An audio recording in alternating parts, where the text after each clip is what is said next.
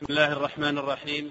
إن الحمد لله نحمده ونستعينه ونستهديه ونعوذ بالله من شرور أنفسنا ومن سيئات أعمالنا. من يهده الله فلا مضل له ومن يضلل فلا هادي له وأشهد أن لا إله إلا الله وحده لا شريك له وأشهد أن محمدا عبده ورسوله صلى الله عليه وعلى آله وأصحابه والتابعين لهم بإحسان إلى يوم الدين وسلم تسليما كثيرا.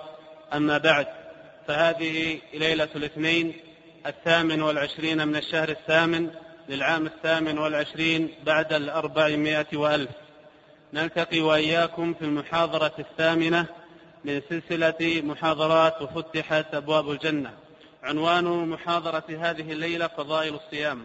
وضيفنا هو فضيلة الشيخ سعيد بن علي القحطاني فليتفضل مأجورا مشكورا بلقاء محاضرته.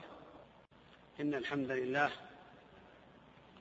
نحمده ونستعينه ونعوذ بالله من شرور أنفسنا وسيئات أعمالنا.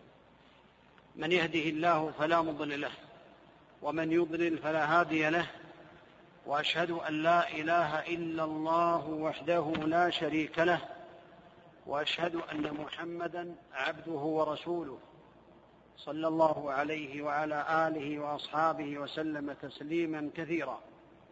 أما بعد أيها الإخوة لا شك أن العبد المسلم هو الذي يمتثل أمر الله تعالى ويرغب ويفرح بفضل الله سبحانه وتعالى عليه وبالنعم التي جعلها سبحانه وتعالى تصل إليه فضلا منه سبحانه وتعالى. ومن هذه النعم العظيمة التي من الله تعالى بها على عباده المؤمنين هذا الشهر العظيم رمضان الذي أنزل فيه القرآن. ولا شك أن هذا الشهر له فضائل وله أحكام وله آداب وله فوائد. ينبغي للمسلم أن يلم بها أو على الأقل أن يفهمها حتى يجد الرغبة في قلبه ويجد الرغبة في هذا العمل الصالح ويمتثل أمر الله تعالى. لأن القلوب إذا رغبت في الأعمال الصالحة وفقت للأعمال وكذلك خفت عليها المشاق فبيان فضل الصيام وفوائده يعطي المسلم قوة في الرغبة والشوق إلى الوصول إلى هذا الشهر العظيم الذي بين النبي عليه الصلاة والسلام فضله وبين الله تعالى ذلك في كتابه العزيز وبينه رسول الله عليه الصلاة والسلام. فأولا الصيام في الحقيقة هو الإمساك. في اللغة الإمساك. وهو في الاصطلاح إمساك شخص مخصوص عن شيء مخصوص في زمن مخصوص بشروط مخصوصة. وهذا يدل على أن ولكن لا بد أن يكون بنية حتى يكون عبادة. لأن الإنسان قد يمسك عن الشيء بدون نية ولكن لا يكون عبادة إلا بنية. وفضائل الصيام في الحقيقة كثيرة لكن منها ما بينه الله تعالى في كتابه العزيز بأن الصيام خير للمسلم. كما قال سبحانه وتعالى إن المسلمين والمسلمات والمؤمنين والمؤمنات إلى آخر الآية قال والصائمين والصائمات والحافظين فروجهم. قال في آخر الآية والحافظين فروجهم والحافظات أعد الله لهم مغفرة وأجرا عظيما. الأجر العظيم لمن قام بهذه الأعمال الصالحة. ومن هذه الأعمال الصيام كما بين النبي صلوات الله وسلامه عليه في الأحاديث التي ستسمعونها إن شاء الله تعالى. وهو خير للمسلم كما قال الله تعالى في كتابه أن تصوموا خير لكم لأن الصيام كان على أطوار في أول الإسلام. وكان الطور الأول أن الإنسان مخير بين الصيام وبين الإطعام وبعد ذلك نسخ هذا فأصبح الصيام فرض عين على القادر بشروطه التي ذكرها العلماء رحمه الله تعالى. ومن فضائل الصيام أنه سبب من أسباب التقوى سبب من أسباب التقوى فهو يعين المسلم ويوصله إلى أن يكون من المتقين.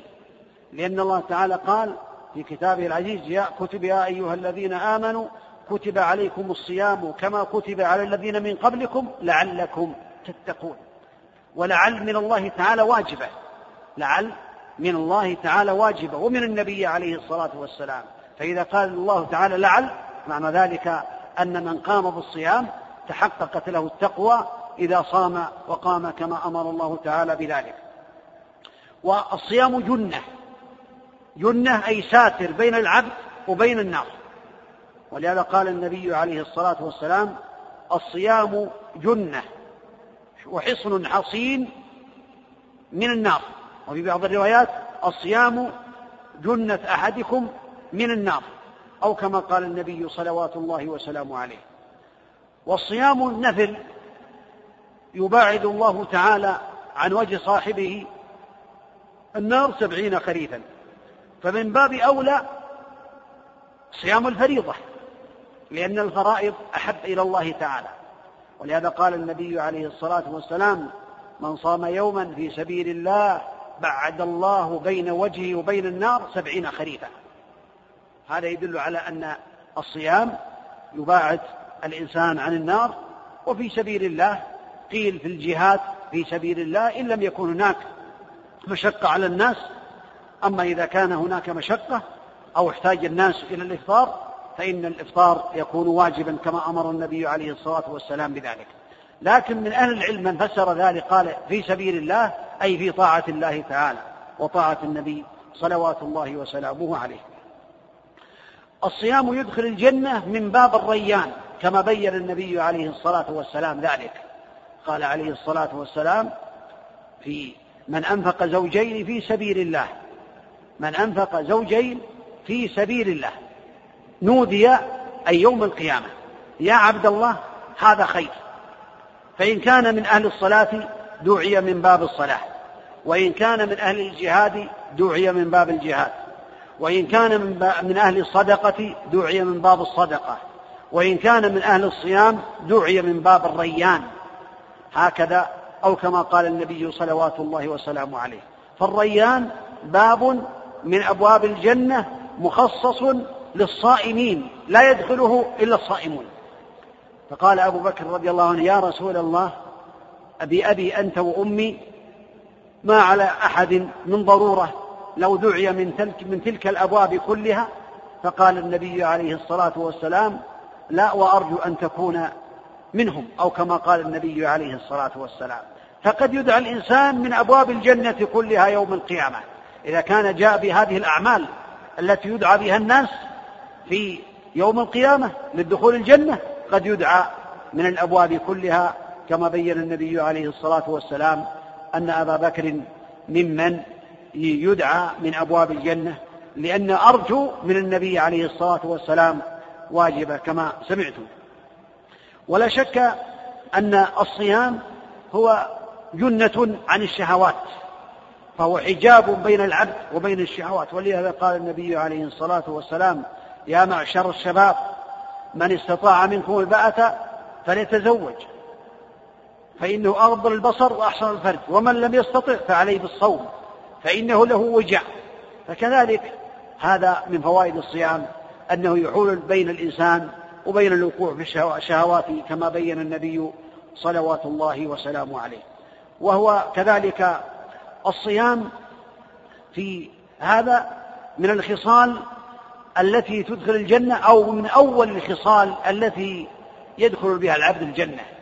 لهذا قال النبي عليه الصلاة والسلام للصحابة رضي الله عنهم من أصبح منكم اليوم صائما؟ أول سؤال عن الصيام. فقال أبو بكر أنا. قال فمن عاد منكم اليوم مريضا؟ قال أبو بكر أنا. قال فمن زار شيع منكم اليوم جنازة؟ قال أبو بكر أنا. قال فمن تصدق اليوم منكم على مسكين أو كما قال عليه الصلاة والسلام قال أبو بكر أنا. فقال النبي عليه الصلاة والسلام ما اجتمعنا في عبد في يوم إلا دخل الجنة أو كما قال النبي عليه الصلاة والسلام. فمن أول الخصال التي تدخل الجنة كما بين النبي عليه الصلاة والسلام في هذا الحديث الصيام من أصبح منكم اليوم صائما. كذلك الصيام كفارة للذنوب. يكفر الذنوب. ولهذا قال النبي عليه الصلاة والسلام فتنة الرجل الرجل في ولده وأهل بيته وجيرانه تكفرها الصلاة والصيام والصدقة أو كما قال النبي صلوات الله وسلامه عليه. هذا يدل على أن الصيام تكفر به السيئات. ولهذا قال النبي صلوات الله وسلامه عليه في الحديث الآخر الذي بين فيه صلوات الله وسلامه عليه أن السيئات كلها تكفر بالأعمال الصالحة. إن لم يكن هناك كبائر حالت بينه وبينها. قال عليه الصلاة والسلام الصلوات الخمس والجمعة إلى الجمعة ورمضان إلى رمضان مكفرات لما بينهن إذا اجتنبت الكبائر أو كما قال النبي عليه الصلاة والسلام. هذا يدل على أن تكفير السيئات مقيد باجتناب الكبائر. إن تجتنبوا ما تنهون عنه نكفر عنكم سيئاتكم وندخلكم مدخلا كريما. فإذا اجتنب الكبائر فإنه تكفر عنه السيئات. والصواب في ذلك أن الحج والعمرة والصيام وغير ذلك من الأعمال الصالحة لا تكفر الكبائر. ولا بد من توبة. فما يسمع الإنسان من تكفير الكبائر هذا مشروط ب يعني من التكفير السيئات مشروط باجتناب الكبائر. ولهذا قال الله تعالى إن تجتنبوا كبائر ما تنهون عنه نكفر عنكم سيئاتكم وندخلكم مدخلا كريما. ومن أهل العلم من يقول بأنها تكفر الكبائر كذلك لكن الصواب أنها لا تكفر إلا بالتوبة. الكبائر لا بد من التوبة. أما من كان مصرا على الكبائر ولم يتب ويعمل الأعمال الصالحات فإنه لا تكفر عنه الصغائر ولا الكبائر.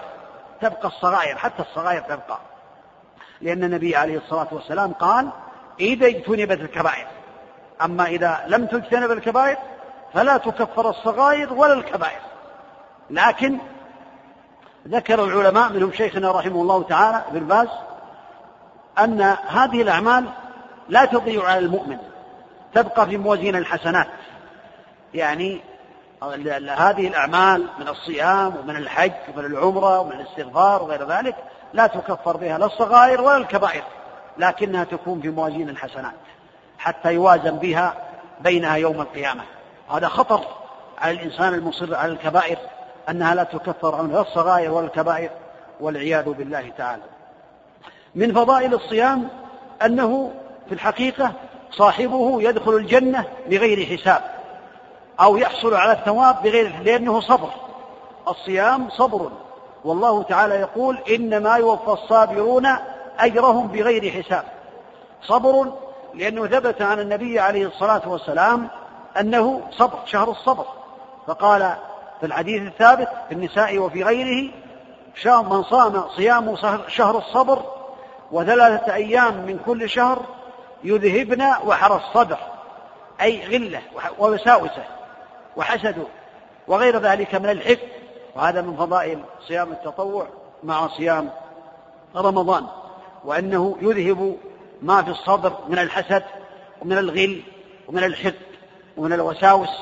ولهذا بين النبي عليه الصلاة والسلام هذا. فالصبر الصيام صبر صبر على طاعة الله لأنه يصبر على الصيام طاعة لله تعالى. وصبر عن محارم الله.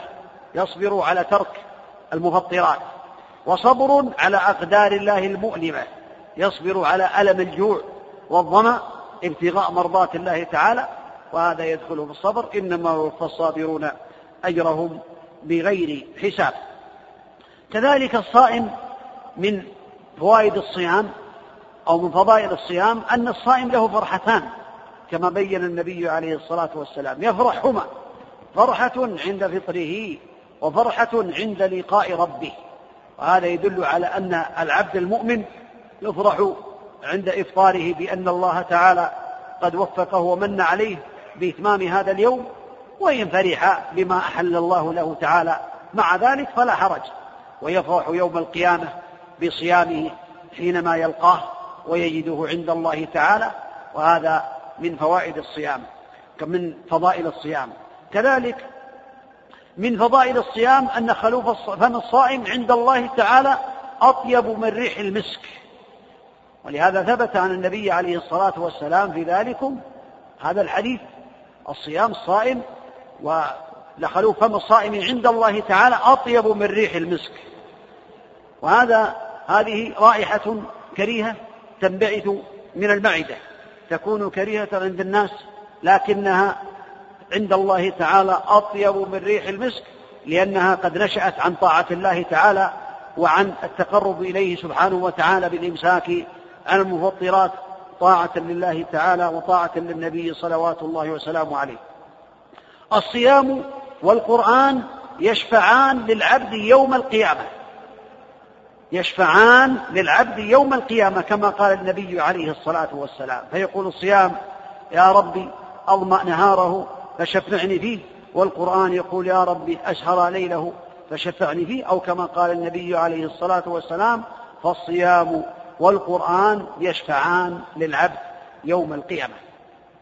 كذلك الصيام في الحقيقة آه تنال به الدرجات العلا في الجنة.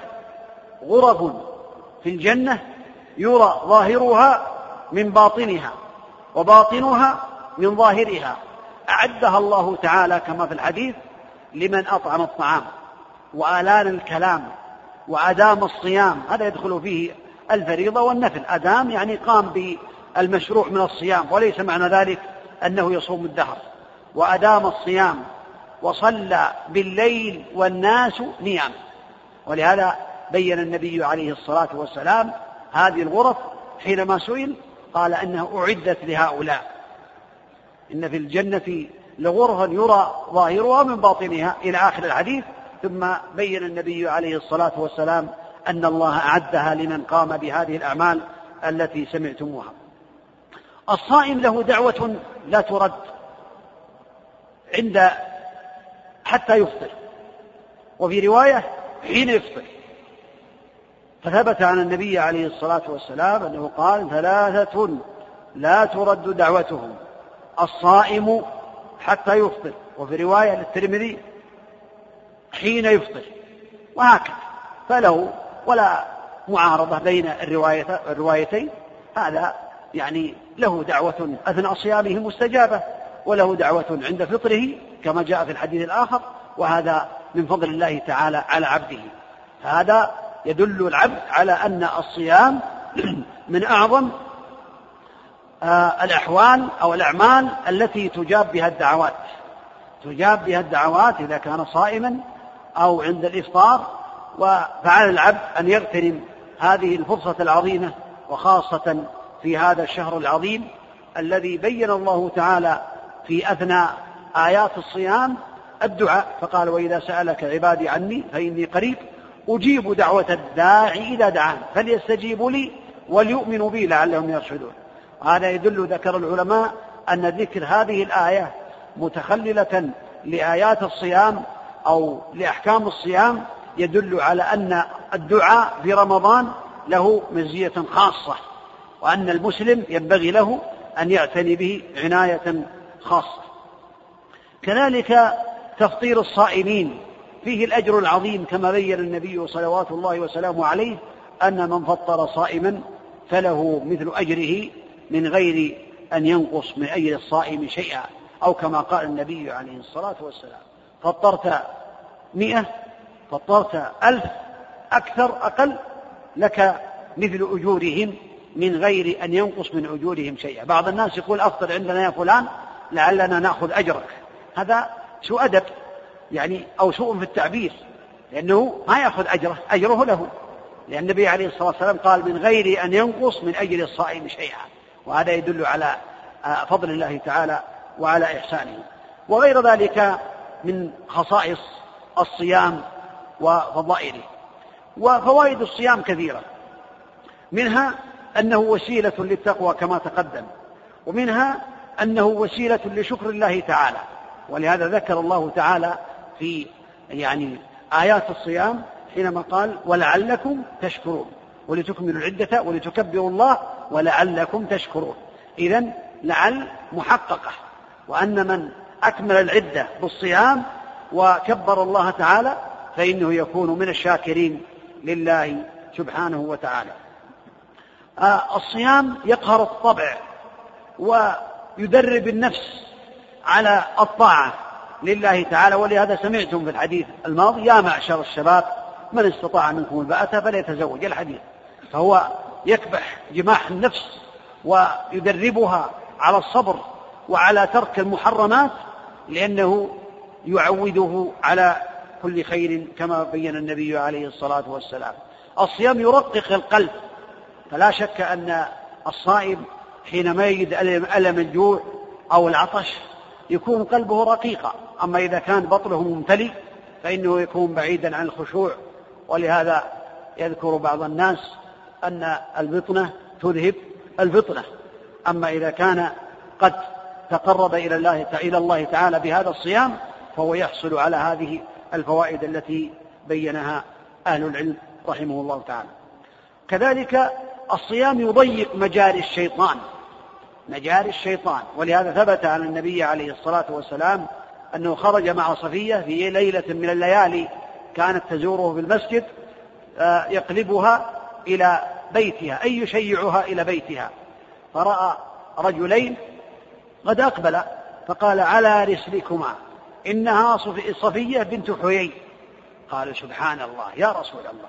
يعني استغرب فقال النبي عليه الصلاة والسلام إن الشيطان يجري من ابن آدم مجرى الدم. فالصيام يقلل مجاري الشيطان ولهذا يعينه الله تعالى على الأمور الأخرى من الطاعات ابتغاء مرضات الله تعالى. والصيام يجمع أنواع الصبر كما سمعتم. أنه يجمع أنواع الصبر الثلاثة. كذلك من فوائد الصيام يتبين العابد لله تعالى إخلاصا ورغبة فيما عنده ويتبين الكسلان الذي لا يرغب فيما عند الله تعالى. فالذي يرغب فيما عند الله تعالى يصبر على الصيام ويتقرب لله تعالى بهذا الصيام ابتغاء مرضات الله تعالى يرجو ثوابه ويخشى عقابه فيتبين. والله تعالى يعلم. لا يخفى عليه شيء. لكن هذا من باب البيان وأنه يتبين الصادق مع الله تعالى الذي يخلص معه ويتبين الكاذب الذي يخادع الله تعالى ويخادع المؤمنين. كذلك له فوائد صحية كما ذكر العلماء. له فوائد صحية للجسد. فإن الإنسان إذا صام فإنه يحصل على فوائد عظيمة لكن لا يصوم من أجل الفوائد الصحية. بعض الناس يصوم يعني يقصد في رمضان لعله يشفى أو لعله يخف الوزن أو غير ذلك لا. لا يدور ذلك بباله بل عليه أن يخلص عمله لله تعالى وهذا يحصل تبعا. يحصل تبعا. ولهذا كثير من الناس إذا أراد أن يخفف الوزن يقول اعمل رجيم. يعني, يعني يصوم لكن الصيام ليس لله وإنما للصحة للدنيا. فعلى المسلم أن يخلص عمله لله تعالى ويتقرب بهذا الصيام لوجه الله تعالى.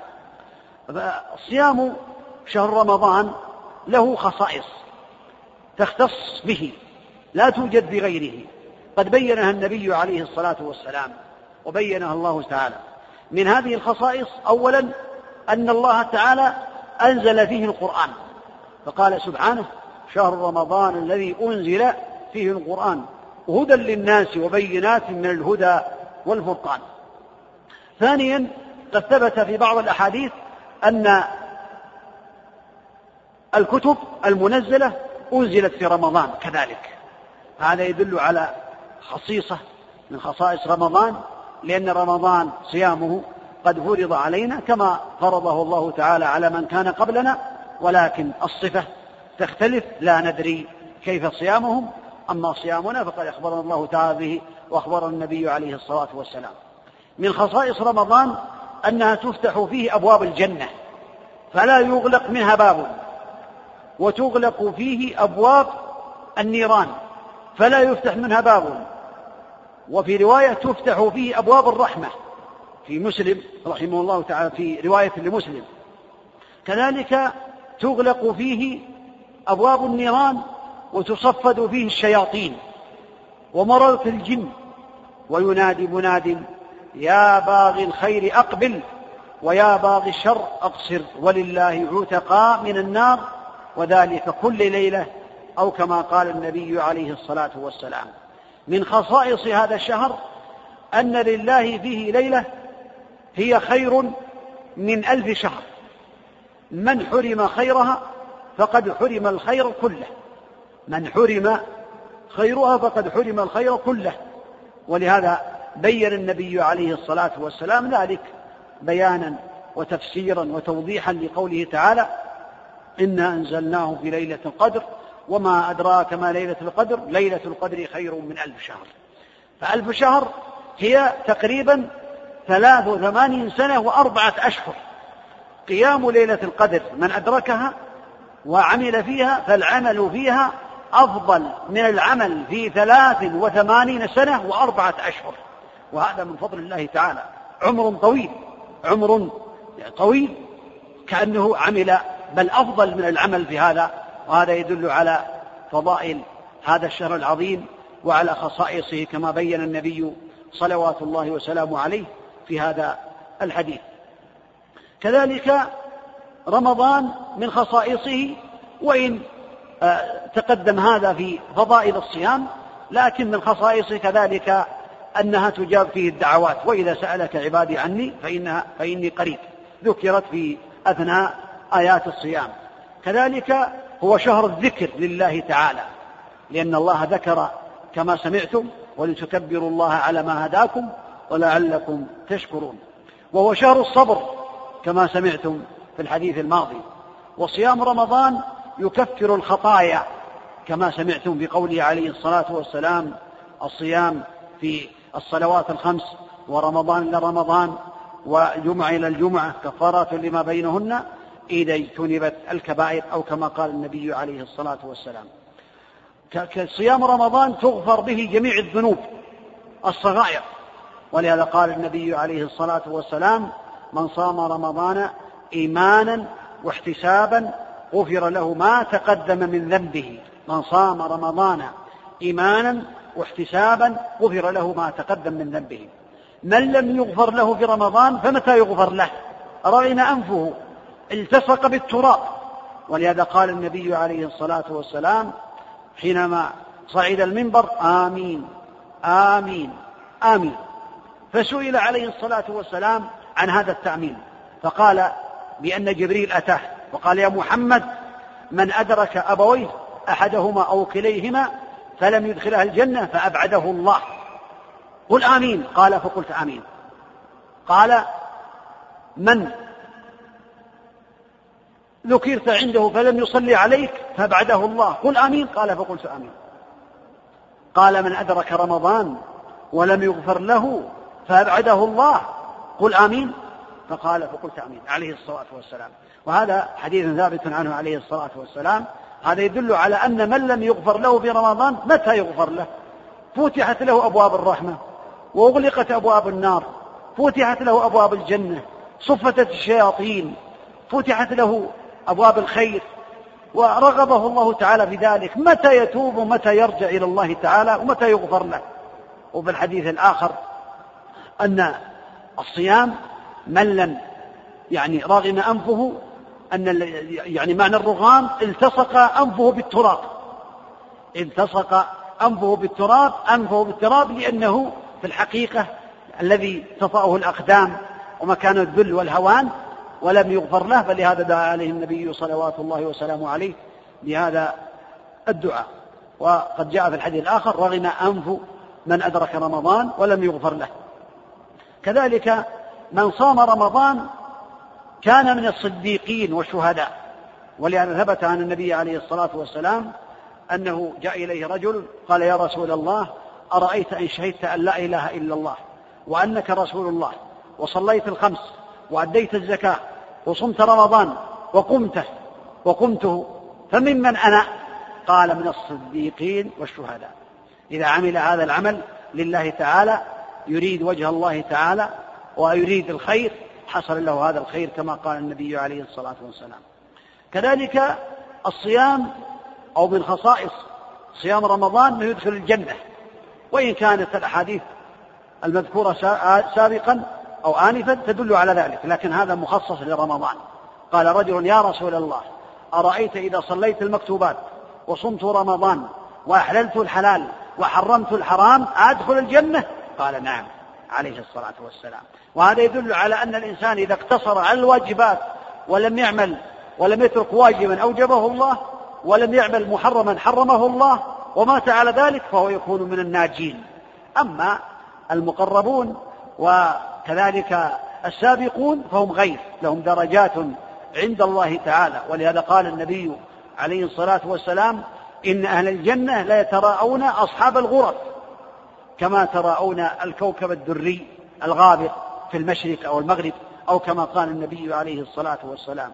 وهذا يدل على أن هناك تفاوت بين المؤمنين في الجنة منهم من يرون كالكواكب والنجوم في الغرف أصحاب الغرف العالية التي سمعتم أعمال أهلها.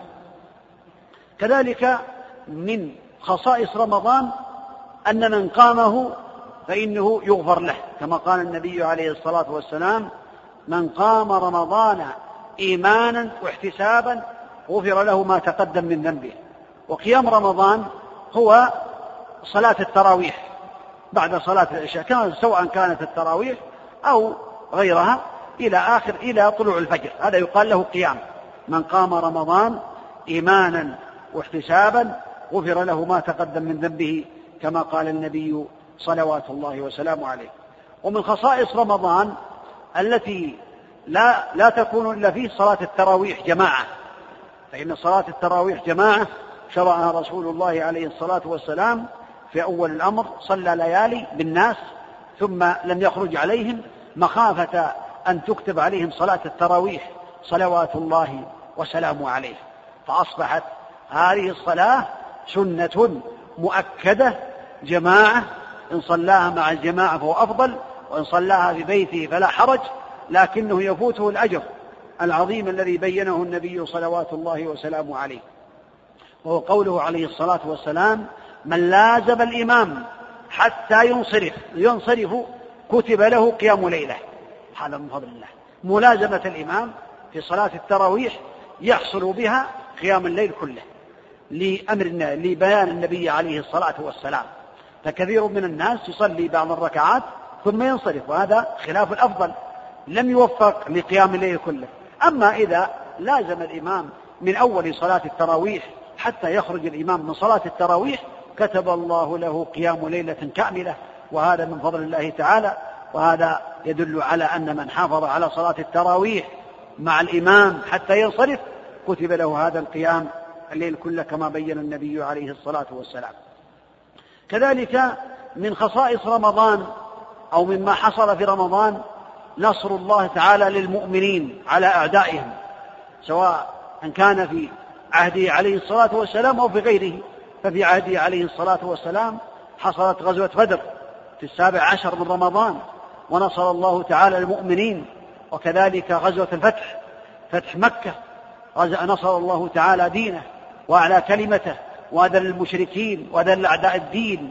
كلها حصلت في رمضان بفضل الله تعالى وتوفيقه وامتنانه وامتنانه. من الخصائص التي تحصل في رمضان مضاعفة الأجور في رمضان. يحصل العبد على مضاعفة الأجور في هذا الزمن الفاضل والمضاعفة لا يعلمها إلا الله لأنها لم ترد في أحاديث صحيحة لكن العمل الصالح في الزمن الفاضل يكون لا شك أن له عظمة وأن فيه الأجر العظيم وأفضل من غيره ولكن مما أخبر به النبي عليه الصلاة والسلام أن عمرة في رمضان أفضل تعدل حجة معه عليه الصلاة والسلام تعدل حجة معه صلوات الله وسلامه عليه. هذا يدل على مضاعفة هذه العمرة في رمضان تعدل حجة مع النبي صلوات الله وسلامه عليه. كذلك مدارسة القرآن.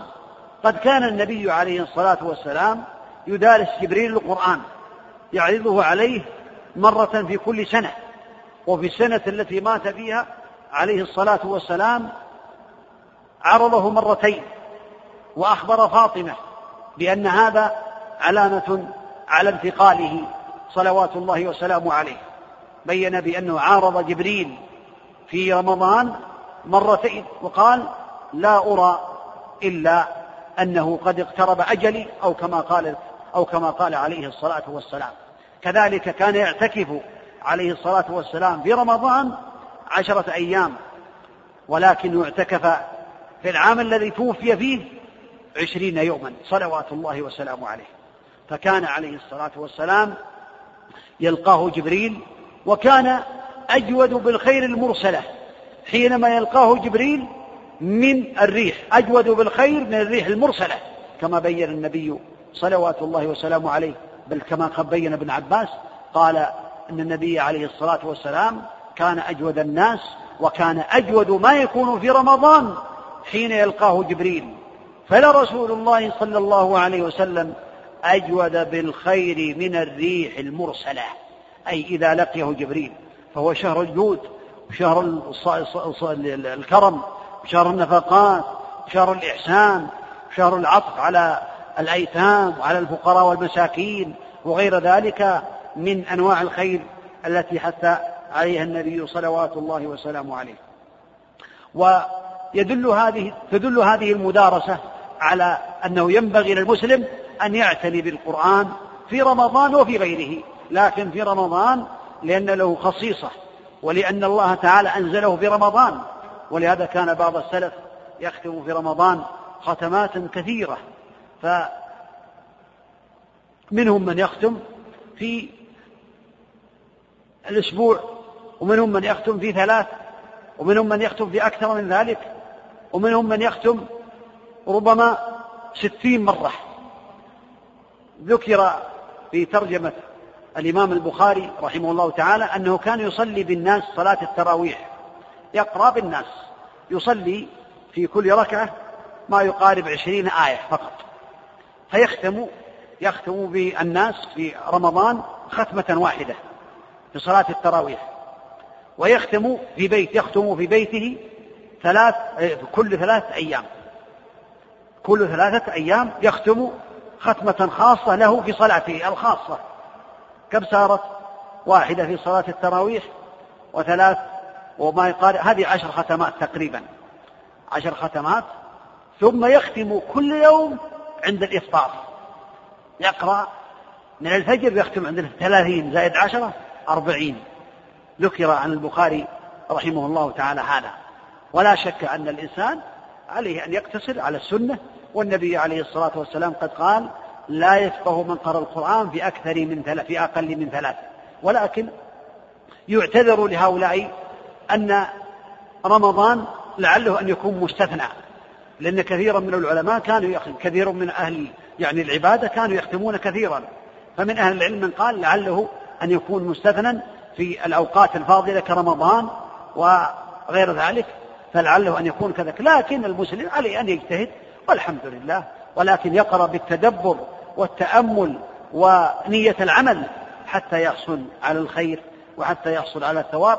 ولهذا كثير من أهل العلم يوقفون الدروس العلمية خاصة في عهد الأئمة يوقفون دروس الحديث والفقه وغير ذلك ويقبلون على القرآن لعلمهم أن هذا القرآن له شأن عظيم في هذا الشهر وفي غيره. كذلك من الخصائص في هذا رمضان آه، اعتكاف العشر الأواخر. فإنه ليس هناك شهر يشرع فيه اعتكاف عشرة أيام كل شهر وإنما ذلكم في العشر الأواخر. ختم كان النبي عليه الصلاة والسلام يعتكف صلوات الله وسلامه عليه في كل رمضان عشرة أيام عليه الصلاة والسلام. في هذه العشر الأواخر رغبة في حصوله على ليلة القدر التي هي خير من ألف شهر كما ذكر الله تعالى وكما بين النبي عليه الصلاة والسلام. فكان إذا دخل العشر أحيا ليلة وأيقظ أهله وشد الميزر صلوات الله وسلامه عليه. أحيا الليل كله وليس من شرط أن يحيي الليل كله بالصلاة وإنما قد يكون بالصلاة وقراءة القرآن والذكر والأعمال الصالحة وشد مئزره ومعناه والله أعلم أي اعتزل نساء عليه الصلاة والسلام واجتهد في العبادة طلبا لهذه الليلة العظيمة التي بينها الله تعالى وبين فضلها سبحانه وتعالى. فيشرع للعبد أن يعتكف في العشر الأواخر ابتغاء مرضات الله تعالى وهو سنة مؤكدة.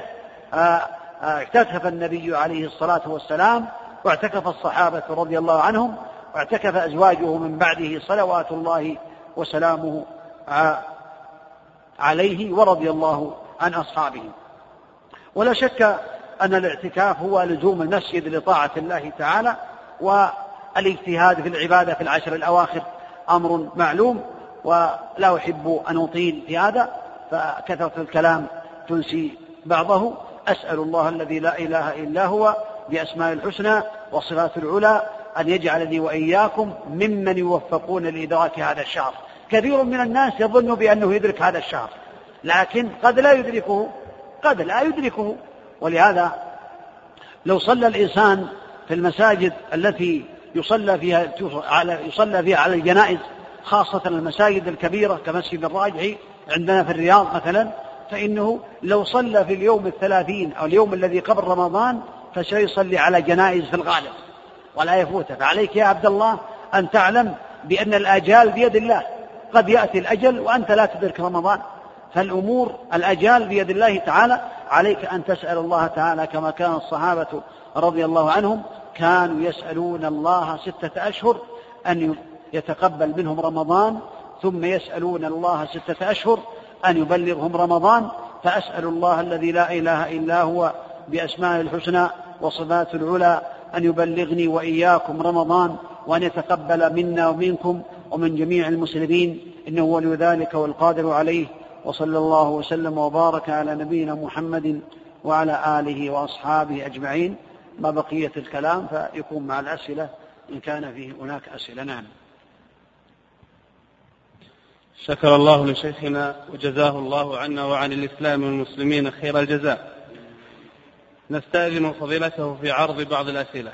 يقول السائل هل يعد ترائي هلال رمضان من السنة ويؤجر من عمل بذلك واجتهد فيه؟ هل هل نعم. هل هل يعد ترائي هلال رمضان من السنة ويؤجر من عمل بذلك واجتهد فيه؟ لا شك أن هذا من السنة وأن النبي عليه الصلاة والسلام حث الناس على الترائي للشهر وأن الناس ينظر إليه لأنه تقوم به عبادة المسلمين. فالنبي عليه الصلاة والسلام يقول صوموا لرؤيته وأفطروا لرؤيته. يرجى يرجى لمن أراد وجه الله تعالى والدار الآخرة أن يكتب له مثل أجر جميع الصائمين الذين صاموا بشهادته. لأن النبي عليه الصلاة والسلام قال في الحديث الصحيح من دل على خير فله مثل أجر فاعله. فإذا ترأت الهلال وترأى الهلال الناس ونظروا إليه حتى يثبت الشهر لأن يعني الحساب الفلكي الاعتماد على هذه الأمور لا يعتمد في الشريعة وإنما المعتمد هو آه الهلال كما قال النبي عليه الصلاة والسلام. ويقبل في شهادة رمضان شهادة عدل على الصحيح بدخوله فإذا اجتهد الإنسان ليرى الهلال فإنه يحصل على هذا الأجر إذا كان مقصده وجه الله تعالى والدار الآخرة يرجى له بل يحقق له إن شاء الله لأن النبي عليه الصلاة والسلام قال من دل على خير فله مثل أجر فعله فإذا صام بشهادتك مليون من الناس بل ملايين يصومون بشهادة العدل إذا ثبتت فإنه يكتب له مثل صيامهم وهذا مثل صيامهم وهذا من فضل الله تعالى على عباده. إنما الأعمال بالنيات. أما إذا كان يريد المال أو يريد غير ذلك فيعني آه، له ما نوى. نعم. يقول السائل هل السيئات تضاعف كما تضاعف الحسنات في رمضان؟ السيئات لا تضاعف لا في الحرم ولا في غيره ولكنها في الأوقات الفاضلة وفي الأزمنة الفاضلة لها لها عظمة تكون عظيمة لكنها لا تضاعف. تضاعف في الحرم لا تضاعف الحسنات في الحرم وفي غيرها من الأمور التي بينها النبي عليه الصلاة والسلام الصلاة في الحرم بمئة ألف صلاة. لكن السيئة لا تضاعف وإنما هي عظيمة. كما قال الله تعالى ومن يرده بالحاد بظلم نذقه من عذاب أليم. فالسيئة عظيمة في الأوقات الفاضلة وفي الأماكن الفاضلة ولا تضاعف وإنما يضاعف تضاعف الحسنات نعم. يقول السائل من أفطر من غير عذر هل صحيح لا يقبل منه ولو صام الدهر كله؟ من أفطر من غير عذر فإنه يكون قد ارتكب جريمة عظيمة من الجرائم كبيرة عظيمة من كبائر الذنوب هدم ركنا من أركان الإسلام واستحق عليه العقوبة في الدنيا والآخرة.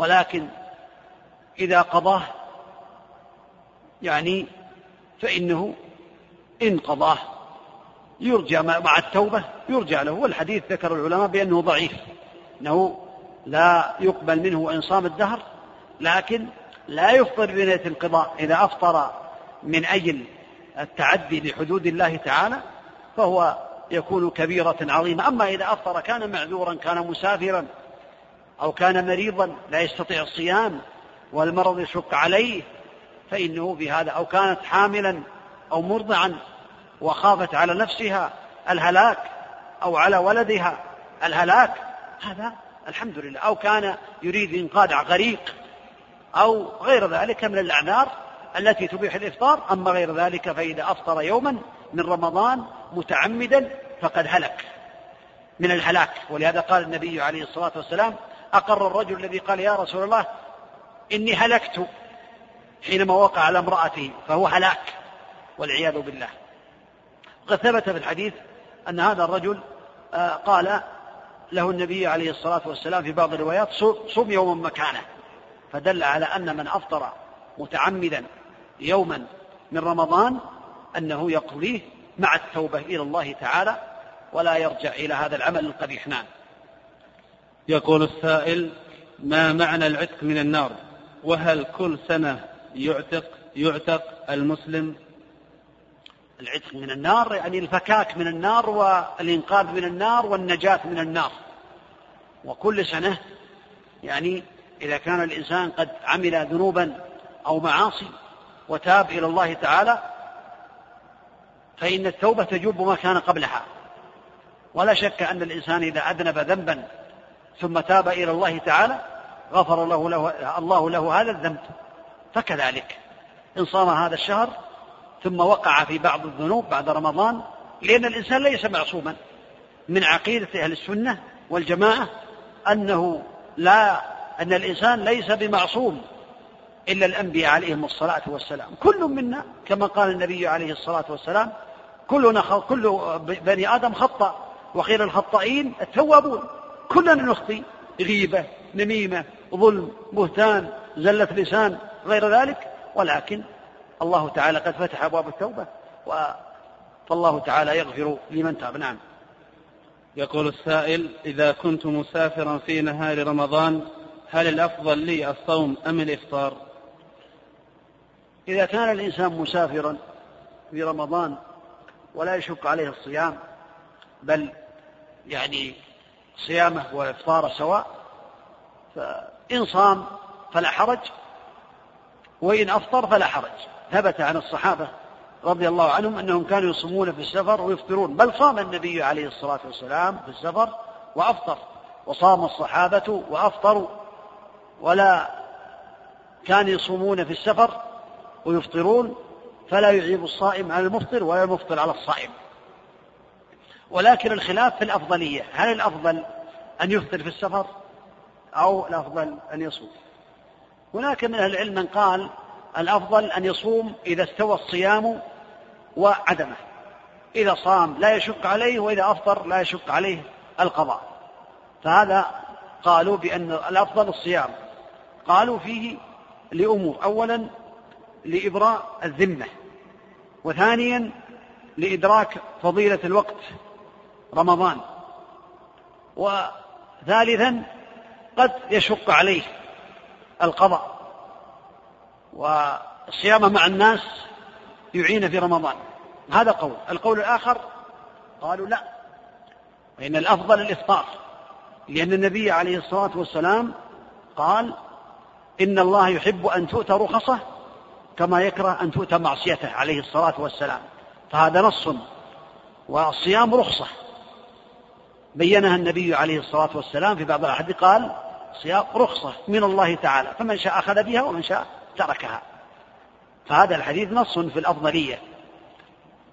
أما قولهم قال قول بعضهم بأن الإنسان إذا صام في رمضان يدرك فضيلة الوقت فذكر شيخ الإسلام ابن تيمية رحمه الله تعالى في شرح العمدة كتاب الصيام أن هذا يحصل حتى للمفطر أنه أدرك أدرك فضل هذا الشهر. لأن النبي عليه الصلاة والسلام قال إذا مرض العبد أو سافر كتب الله له ما كان يعمل صحيحا مقيما. والذي أراه والله أعلم تقليدا لشيخ عبد العزيز بن باز رحمه الله تعالى أن الأفضل الإفطار من باب الأفضلية. فكان يفتي رحمه الله تعالى أن الأفضل للمسافر آه، الإفطار. وإن صام فلا حرج والحمد لله. لا حرج. أن يصوم ولا حرج أن يفطر لكن لو أفطر يكون أفضل. نعم. يقول السائل هل المشاركة في تفطير الصائمين أو هل المشارك في تفطير الصائمين له مثل أجورهم مثل الذين يعملون في الجمعيات الخيرية؟ إذا نوى إنما الأعمال بالنيات وإنما لكل امرئ ما نوى. إذا كان يعمل من أجل المشاركة من أجل الأجر والثواب حتى ولو أخذ راتبا. لكن يبتغي الأجر من الله تعالى ويخلص في العمل ويصدق. يدخل في قول النبي عليه الصلاة والسلام من دل على خير فله مثل أجر فاعله. مثال ذلك إنسان من الناس تصدق بإفطار الصائمين في الدلم لمدة شهر رمضان كاملا. فقام بعض الناس بأخذ هذا المال وترتيب الوضع ترتيب الصائمين وتقديم الوجبات والقيام فهؤلاء لهم مثل أجر المنفق. والحمد لله. من من يحجر على الله تعالى؟ من دل على خير فله مثل أجر فاعله. وهذا ينبغي للعبد إذا كان في الأعمال الخيرية سواء كان في تحفيظ القرآن أو في التدريس أو في غيره أو في إفطار الصائمين متعاونا مع الناس ينبغي له أن ينوي النية تقربا لله تعالى حتى يحصل على هذا الحديث. من دل على خير فله مثل أجر فاعله. نعم. يقول السائل أحسن الله إليكم. اعتكاف بعض أيام من العشر هل يدخل في أجر الاعتكاف؟ اعتكاف بعض أيام من العشر؟ فضل حتى لو لم يعتكف إلا يوما واحدا أو ليلة واحدة. وإذا كان الإنسان مشغولا عنده أعمال واعتكف في الليل وخرج في النهار لا حرج. إنما الأعمال بالنيات اعتكف من أجل ليلة القدر. وإذا تيسر أنه يعتكف الليل والنهار هذا يكون أفضل. لفعل النبي عليه الصلاة والسلام. وإذا لم يتيسر الاعتكاف بعض الليالي أو بعض الأيام الحمد لله الاعتكاف ذكر العلماء بأنه لا حد لأقله بل قال بعضهم لحظة وقال بعضهم ساعة. فإذا دخل المسجد ونوى الاعتكاف لزوم المسجد لطاعة الله تعالى فهو معتكف حتى يخرج من المسجد. نعم. يقول السائل ما نصيحتكم لمن يوم فطره ويوم صومه سواء؟ وهل أجر الصيام تام؟ هذا يعني يدل على إهماله وعلى عدم رغبته فيما عند الله تعالى وعلى عدم عنايته. والنبي عليه الصلاة والسلام قال من حديث الآخر الصيام جنة. جنة أحدكم من النار. فبين أن الجنة يعني هي الحائل بينه وبين النار. ما لم يخرقها في بعض الروايات. ما لم يخرقها قيل ما يخرقها يا رسول الله؟ قال بكذب أو غيبة. أو كما قال النبي عليه الصلاة والسلام. فكأن الصيام حائل بينه وبين النار ساتر. وإذا عمل بالجهل أو بالزور أو بالغيبة أو بالكذب خرق هذا الحائل وخرق هذه الجنة.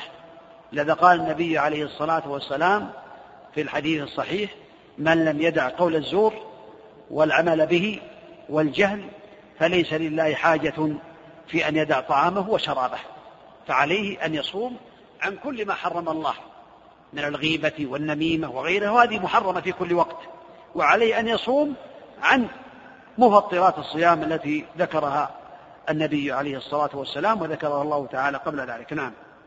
يقول السائل هل الأفضل في العشر الأواخر الاقتصار على أحد عشر ركعة أو الزيادة؟ هذا له دليل وهذا له دليل. لو صلى عشرين أو ثلاثة وعشرين يدخل في قول النبي عليه الصلاة والسلام صلاة الليل مثنى مثنى. صلاة الليل مثنى مثنى فإذا خشي أحدكم الصبح أو ترى بواحدة توتر له ما قد صلى. فلا يجوز الإنسان أن يعترض على من يصلي ثلاثة وعشرين أو يصلي آه، أربعين أو يصلي مية أو أكثر من ذلك لا يعترض. عند حديث صلاة الليل مثنى مثنى. صل ركعتين كل ركعتين تسلم لا يعترض على أحد. وثبت عن عائشة رضي الله عنها قالت ما كان النبي عليه الصلاة والسلام يزيد في رمضان ولا في غيره على إحدى عشرة ركعة. هذا من فعله عليه الصلاة والسلام وهذا من قوله فمن اقتصر على إحدى عشرة ركعة فلا حرج وهو أفضل لفعل النبي عليه الصلاة والسلام ومن خفف القراءة وزاد في الركعات فصلى ثلاث وعشرين فلا حرج لدخولها في حديث النبي عليه الصلاة والسلام ولفعل بعض الصحابة رضي الله عنهم. فالمسلم لا يكون يسبب المشاكل بين الناس والمنازعات. والخلافات. بعض الناس في الحرم إذا صلى الإمام إحدى إذا صلى عشر ركعات جلس. ويا ليته يسبح ويهلل. يجلس ويسولف مع من كان معه.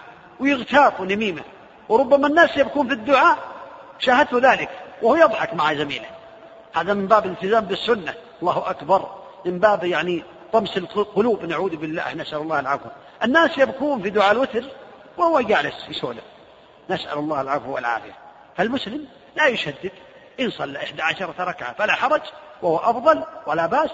وإن صلى أكثر من ذلك فلا حرج ولا بأس لأن النبي عليه الصلاة والسلام قد شرع ذلك كله. صلوات الله وسلامه عليه. نعم. يقول السائل ما حكم تتبع المساجد للبحث عن أصحاب الأصوات الحسنة؟ تتبع المساجد البحث البحث عن أصوات الحسنة ننظر أولا إلى ما يفوت هذا المتتبع. أولا يخشى على هذا المتتبع للأصوات أنه لا يتأمل القرآن ولا ينظر إلى قراءة القرآن والمعاني وإنما ينظر إلى النبرات وإلى نبرات الصوت والمعنى لا يخطر بباله مطلقا حتى ربما بعضهم يبكي إذا سمع الصوت الجميل بدون أن يعرف المعنى. يعني أخبرني بعض الناس بأنه بكى عند يعني فاعتزلوا النساء في المحيط. يعني بكى. كأنه سمع الصوت جميل بكى. ما يدري إيش الهدف فالخلاصة أن الإنسان ينبغي له أن يتدبر القرآن ويتدبر المعاني القرآن التي تتلى عليه. ثم يفوت المتتبع المساجد أنا لا أقول أنه لا يجوز. لأن من أهل العلم من يقول أنه إذا كان يخشع عند بعض الأئمة بدون شد رحال ويجد الخشوع ويجد يعني التدبر القرآن هذا شيء آخر. والنبي عليه الصلاة والسلام قال في الحديث الصحيح زينوا القرآن بأصواتكم. وقال عليه الصلاة والسلام ما ليس منا من لم يتغنى بالقرآن. لا شك في ذلك. الإمام إذا كان يقرب الناس يحاول يجتهد أن يحسن صوته قدر الاستطاعة بدون تكلف وإنما يلتزم بأحكام التجويد التي ذكرها العلماء. فيفوت بعض المتتبعين أنه تفوت صلاة الفريضة. أذكر أعرف بعض الناس يذهب من مكان لمكان من أجل يصلي صلاة التراويح فتفوته صلاة الفريضة مع الجماعة. وهذه مصيبة من المصائب. يريد أن يصلي صلاة التراويح وتفوته صلاة الفريضة. هذا هذا يعني خطأ خطأ كبير. إذا كان يريد مثلا يذهب يأخذ وقت طويل. بحيث يكون في الصف الأول يبادر. أما يبقى وإذا أذن المؤذن يذهب يتوضأ ثم تفوت الصلاة وربما تكون الليالي كلها والعياذ بالله. ممكن تفوتها الليالي كلها. في الطرقات والزحمات تفوت صلاة الفريضة ويلحق بعض التراويح من أجل أن يسمع صوت فلان ابن فلان. هذا يعني ينبغي المسلم أن يراقب الله تعالى.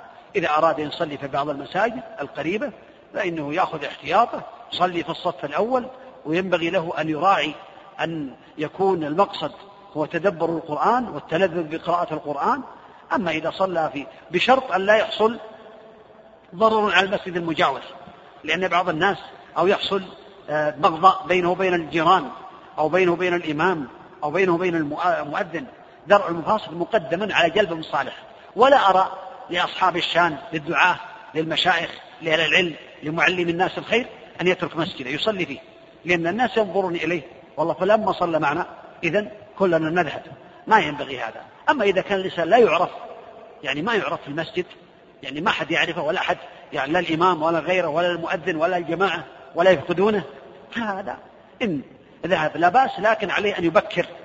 يبكر حتى يحصل على الصف الأول ولا يشد الرحال. والله أعلم. نعم.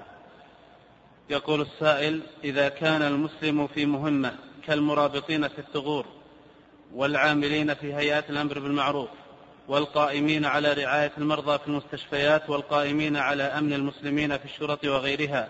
هل هؤلاء إذا وافق دوامهم ليلة القدر يكتب لهم فضلها؟ يكتب لهم إن شاء الله ما حصلوا عليه من الأجر لأن هذه الأعمال ما تمنع أن يذكر الله ولا تمنع أن يدعو الله ولا تمنع أن يصلي إن لم يكن حارصا على شيء مهم. لكن إنما الأعمال بالنيات. إذا كانه دائما يحافظ على هذه الصلوات وهذا هذا الخير ومنعه هذا فيدخل في حديث الحديث الأخرى أن نية المؤمن تكتب له. إنما الأعمال بالنيات لكن يغتنم الفرصة. يذكر الله يقرأ القرآن عن ظهر قلب حتى لو لم يحفظ إلا الفاتحة يكررها. آه، يدعو الله تعالى يكثر الذكر. الراغب في الخير لا يفوته. نعم.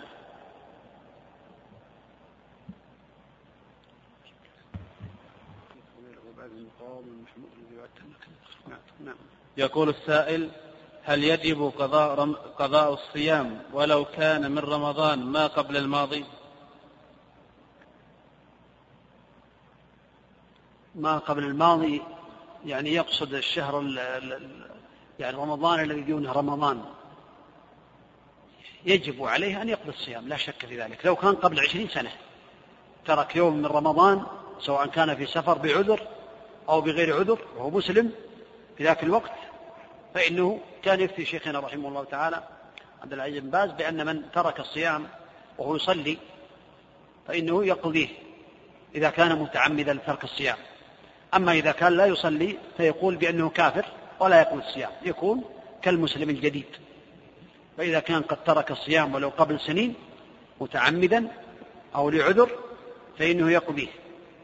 لكن آه ذكر العلماء وثبت عن الصحابة أنه يطعم عن كل يوم مسكينا إذا فاته إذا تجاوز رمضان إذا كان قد جاء عليه رمضان آخر فإنه يصوم ويطعم عن كل يوم مسكينا. نعم. يقول السائل ما رأيكم في من يمنعون أطفالهم القادرين من الصيام خوفا عليهم من الجوع مع رغبة الأطفال وقدرتهم على ذلك؟ هذا لا يعينون عن الخير. والصحابة رضي الله عنهم قد ثبت في البخاري وفي مسلم كذلك أنهم كانوا يصومون أولادهم ويعطونهم اللعب من العهن أي من الصوف. يلعبون بهذا يلهونهم ويعللونهم حتى يأتي وقت الإفطار من أجل تدريبهم. ثم هذا الصيام للطفل الصغير يعوده ويدربه على الصيام حتى إذا بلغ وإذا هو يستطيع الصيام فلا ينبغي للعبد أن يعمل هذا العمل لأنه فيه مخالفة لهدي السلف رضي الله عنهم ورحمهم في مخالفة لعمل الصالحين أنه يمنع الأولاد من الصيام لا ينبغي له بل ينبغي له أن يعطيهم الجوائز ويشجعهم على ذلك ويوقظهم في صلاة في وقت السحور حتى يتسحروا جيدا حتى يحصلوا على الأجر من الله تعالى. نعم. يقول السائل هل من أمهله الله ستين سنة؟ هل هو ممن دعا عليه الرسول صلى الله عليه وسلم لأنه لم يعمل عملا يدخله الجنة؟ هكذا جاء السؤال. نعم نعم. يقول من من أمهل الله ثبت في الحديث البخاري أن النبي عليه الصلاة والسلام قال أعذر الله إلى أمر بلغ ستين سنة. يعني أعطاه فرصة أعطاه فرصة عظيمة. فإذا كان بلغ الستين وهو لم يتب من ذنوبه دل على خبث قلبه والعياذ بالله. أما كونه يقول يدعو عليه سنة إذا بلغ ستين ما أعلم. النبي عليه الصلاة والسلام جاء في الحديث يقول خيركم من طال عمره وحسن عمله. قال أعمار أمتي ما بين الستين والسبعين وقليل من يجوز ذلك أو كما قال النبي عليه الصلاة والسلام. فخير الناس من طال عمره وحسن عمله. إذا كان طول العمر يكون مقرونا بالطاعات فهو خير العبد يترقى في جنات النعيم. نعم. أما إذا كان طول العمر يعني في المعاصي والسيئات فهو شر له كذلك. نعم. يقول السائل هل يعدل أجر الفريضة سبعين والنافلة كالفريضة في رمضان؟ هذا ورد في خبر لكن ليس بصحيح. الله على كل شيء قدير لكن ثبوت الحديث لم يثبت. عن النبي عليه الصلاة والسلام كما ذكر العلماء. نعم. السؤال قبل الأخير. ما الأفضل ختم القرآن ثلاث مرات بتلاوة غير متأنية أو مرة واحدة بتلاوة متأنية؟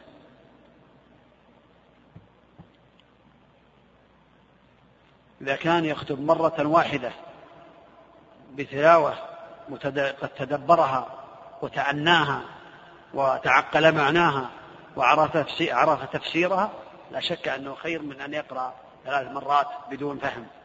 لكن يعني آه، المؤمن يقرأ أكثر من هذا يحاول أنه يجتهد يجتهد يكون من السابقين المقربين عند الله تعالى يكثر مع التدبر ومع سؤال الله تعالى توفيق. الآن السهرات الإنسان لو بدل السهرات التي يسهرونها أربع ساعات خمس ساعات ست ساعات في الليل لو يخصص له ساعتين مثلا كم يختم القرآن في رمضان؟ ساعتين كل ليلة من هذه السهرات. لكنه يسهر وإذا جاء إلى بيته وإذا متعب ينام في البيت ويسهر خارج البيت. والليل سهر والنهار يعني نوم. هذا فيفوت عليه الوقت ويفوت عليه الخير كله. نسأل الله العافية. نعم. السؤال الأخير كثير من النساء تذهب أوقاتهن في رمضان بدون استفادة. فنرجو من فضيلتكم توجيه كلمة للمرأة المسلمة. تذهب تذهب. تذهب أوقاتهن في رمضان بدون استفادة.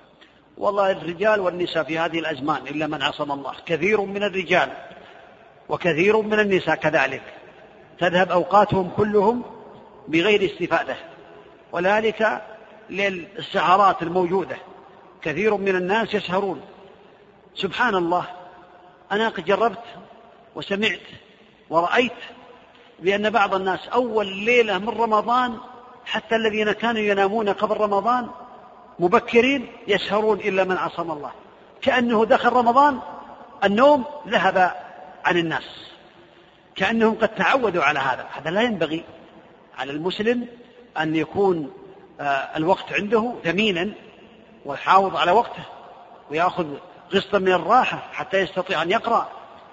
فلا شك أن كثير من الناس يضيع الأوقات على نفسه ويضيع الأوقات على أهله خاصة إذا كانوا يدعون الناس دعوات ليست لله تعالى في سهرات فإنه بهذا السهر وبهذه الدعوة يكلف المرأة أن تعمل يعني الأطعمة وأنواع الأشربة الوقت الطويل من الظهر إلى غروب الشمس. ثم بعد الإفطار تبقى تنظف من يعني ترتب الأواني من بعد المغرب بعد العشاء إلى آخر الليل. ثم تبدأ في تجهيز السحور. هذا يعني تكليف على الناس. أما لو التزم بالسنة لا شك أنه لو دعا أو من يفطر عنده أو إكرام في وقته لا شك أن هذا من الأعمال الصالحة. أما كونه يدعو الناس للسهرات ويسهر يؤذي أهل البيت ويحرمهم الخير وكثير من النساء كذلك تضيع وقتها حتى لو لم يكن عندها شيء. بالسهرات بالاتصالات بضياع الوقت بالأسواق. الأسواق أكثر ما تزدحم الأسواق في رمضان قبل المغرب بساعة وبعد صلاة العشاء خاصة وقت صلاة العشاء بعد صلاة العشاء حتى قبل انتهاء التراويح. ترى الأسواق مهتضة بالزحام السيارات والزحام الشديد على أبواب الأسواق من الرجال والنساء. فالمسلم عليه أن يستغل هذه الأوقات في طاعة الله تعالى يرجو ثوابه فلعله لا يدرك شهرا آخر. بل لعله لا يدرك هذا الشهر لا يدري. يجتهد. لعله لا يدرك شهر آخر ولا يصوم رمضان آخر ولا يصلي صلاة أخرى. فعليه أن يتقي الله تعالى وعلى المرأة أن تتقي الله تعالى تحفظ وقتها في بيتها بالمراقبة بالمحافظة على يعني الصلوات وبالقيام بما يجب عليها وتربية أولادها بقراءة القرآن والذكر والاستماع إلى نور على الدرب وإلى إذاعة القرآن وإلى الخير وغير ذلك حتى يكون المسلم قد استفاد من هذا الشهر. وعليه كذلك أن لا ينسى الراحة النفسية والراحة الجسدية. كثير من الناس يسهر. تراه في الصباح قد اسود وجهه واحمرت عيناه من السهر والتعب. لا عليك أن تتقي الله. يعني كما بين النبي عليه الصلاة والسلام وإن لزوج إن لزوجك عليك حقا ولنفسك عليك حقا فأعط كل ذي حق حقه أو كما قال النبي عليه الصلاة والسلام. ولا شك أن الذي يأخذ يعني بعض الراحة بعد صلاة التراويح أو في أوقات أخرى أو يكون قويا على طاعة الله آه، يخشى عند قراءة القرآن. كثير من الناس صلاة الفجر نائم. ينام في صلاة الفجر. أهل السهرات إذا جاء صلاة الفجر بين أمرين. إما أن ينام ويترك صلاة الفجر وإما أن يصلي وهو نائم. لا يدري ماذا قرأ الإمام وربما لا يقرأ التشهد ولا يقرأ الفاتحة. فالسهر فيه شر عظيم. أسأل الله لي ولكم العفو والعافية في الدنيا والآخرة وأسأله عز وجل أن يصلح قلوبنا وأعمالنا وأن يبلغنا رمضان وأن يتقبل منا رمضان. إنه على كل شيء قدير وبالإجابة جدير. صلى الله وسلم وبارك على نبينا محمد وعلى آله وأصحابه أجمعين. وجزاكم الله خيرا. نشكر فضيلة الشيخ على هذه المحاضرة القيمة ونسأل الله تبارك وتعالى بمنه وكرمه أن يبارك في علمه وعمله وعمره وأن يجمعنا وإياه في لقاءات قادمة وصلى الله وسلم وبارك على نبينا محمد.